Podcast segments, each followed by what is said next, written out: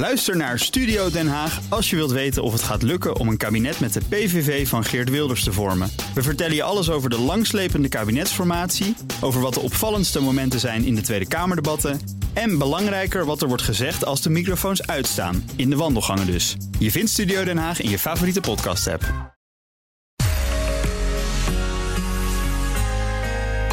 Het is nog even doorwijten voor Mark Rutte en dan is hij de langst zittende premier uit de Nederlandse geschiedenis. Op 2 augustus 2022 dan is het zover. 4310 dagen is hij dan in ambt. En daarmee een dag langer dan de roemruchte CDA-premier Ruud Lubbers uit de jaren 80 en 90. Helemaal zeker weten we niet of Rutte deze datum rood omcirkeld heeft staan in zijn agenda. Als je hem op de man af vraagt of hij dit soort records belangrijk vindt, dan kijkt hij je meestal aan met een meewarige blik. Of hij begint gewoon te lachen. Het is het type reactie dat Haagse politici wel vaker tonen als ze doen alsof het onderwerp van gesprek de Haagse journalisten wel bezighoudt, maar voor de politici natuurlijk geen enkele rol zou spelen. In het kerstinterview met de Telegraaf zegt Rutte over het regeerrecord: dat is geen doel op zich. Het is een voetnoot, al dus de premier. Maar ik vul voor Rutte maar even in: geen doel op zich betekent natuurlijk niet dat het van geen enkele waarde is. Er is een groot verschil tussen de eeuwige premiers Lubbers en Rutte.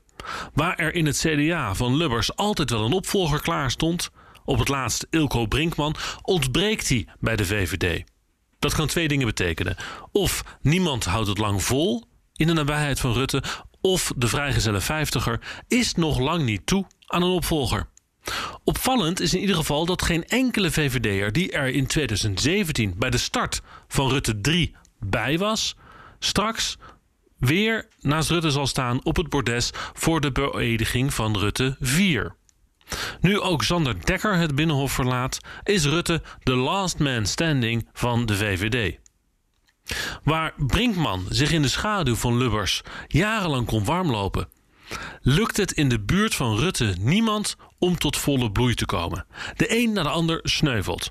Om politieke redenen, te midden van persoonlijke schandalen, vanwege oververmoeidheid of simpelweg omdat het tijd wordt voor wat anders. Uiteraard heeft Rutte de mensen gevonden voor die tien vacatures die openstaan in het nieuwe kabinet. De nieuwe namenlijst zal licht schijnen op de lange termijnplannen van de premier. Zijn het weer allemaal juniors, zonder of met slechts een paar maanden kabinetservaring, dan is Rutte zich aan het opmaken voor nog een kabinet. Vijf kabinetten Rutte, stel je voor, vijf. Ook dat zou een record zijn. Want sinds de Tweede Wereldoorlog deed geen enkele premier hem dat voor.